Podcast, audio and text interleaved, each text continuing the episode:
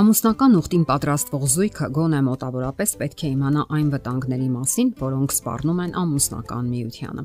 Ամուսնական կյանքը կարելի է անվանել նաև սովորությունների շղթա։ Դժվար է անգամ պատկերացնել, թե որքան կարևոր են այս սովորությունները, սակայն դրանցից շատերը կարող են նույնիսկ ոչնչացնել ամուսնական բնականon հարաբերությունները։ Ցանկացած սովորություն, որը վշտացնում է դիմացինին, կարող է սպառնալ սիրուն եւ հարաբերությունների անվտանգությանը։ Մեկ անգամ գործած արարքին կարելի է դիմանալ ու մոռանալ, սակայն եթե այն սկսում է կրկնվել, նույնիսկ ոչ մտածված ձևով եւ դառնում է կանխատեսելի, այս դեպքում հարաբերությունների խաթարումը անխուսափելի է։ Որոշ մասնագետներ այդ սովորություններն անվանում են սիրո մարդասպաններ։ Խոսենք մի քանի այդպիսի սովորությունների մասին, որոնք կարելի է անվանել նաև քայքայիչ սովորություններ։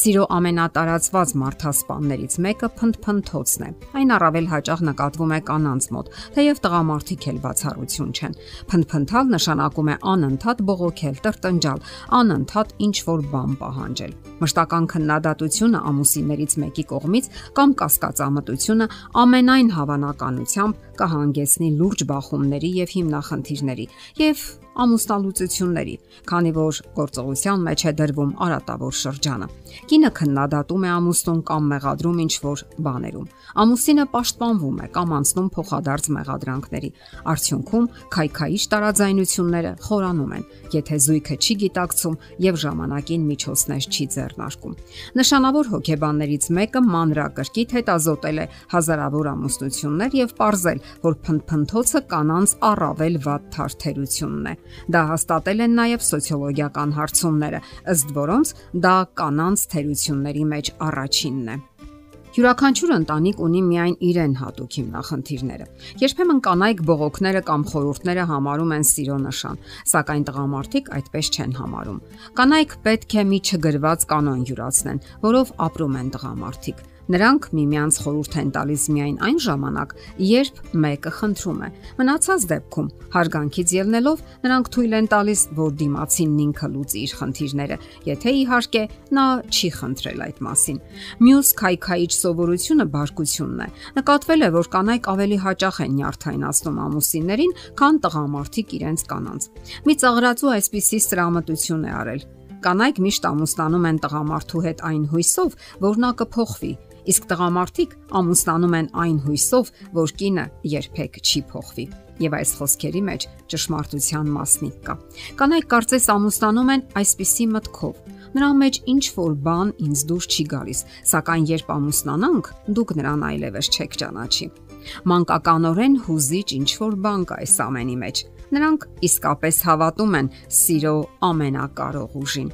Բարկությունը շատ ավելին է, քան պարզապես զգացմունքները դրսևորելն է։ Դրանով մենք ցանկանում ենք կարծես պատժել դիմացինին, դաս տալ կամ վիրավորել։ Յուրաքանչյուր մարդ ունի իր զինանոցը, որն օգտագործում է վեճի ժամանակ։ Դա կարող է լինել բղավոցը, վիրավորանքը, հեգնանքը, քննադատությունը կամ թունավոր դիտողությունը։ Երբեմն ամեն ինչ կարող է շատ լրջանալ, ընդհուպ մինչև ֆիզիկական բռնություն։ Բոլոր դեպքերում բարկության նոպաները քայքայում են ամուսնական հարաբերությունները։ Մեզանից յուրաքանչյուրը կարող է վիրավորել ամուսնուն շատ ավելի խոր ու նուրբ ձևով, քան որևէ այլ մեկը։ Այստեղ շատերն իհարկե կարող են համարել, որ իրենց բարկությունը տեղին էր եւ որ իրեն պարզապես հրահրել է դիմացինը։ Երբեմն բարկությունը կարող է արդարացված լինել։ Այնուամենայնիվ, ճնշող դեպքերում այն այլանդակ դրսևորումներ է ստանում եւ սովորաբար ավելի մեծ հիմնախնդիրներ է ծնում ապագայում։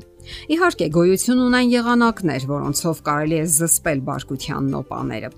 Հնարավոր է դրսևորել զգացմունքները, սակայն այնպես, որ դրանք չվիրավորեն, չսպառնան ու չնվաստացնեն ամուսնուն։ Որքան էլ կրկնված լինեն դրանք ձեր ամուսնական հարաբերություններում, դուք պարտավոր եք անմիջապես արմատախիլ անել դրանք, եթե ցանկանում եք ունենալ առողջ հարաբերություններ։ Հետաքրքիր փաստեր են հայտնաբերվում։ Օրինակ, ողջվել է, որ ամուսնական միության անկայունությունը կամ ամրությունը պայմանավորված է ոչ այնքան համակրանքի, ըմբռնողության, սիրո, սատարման ու հարգանքի աստիճանից, այլ վարքագծի բացասական դրսևորումներից։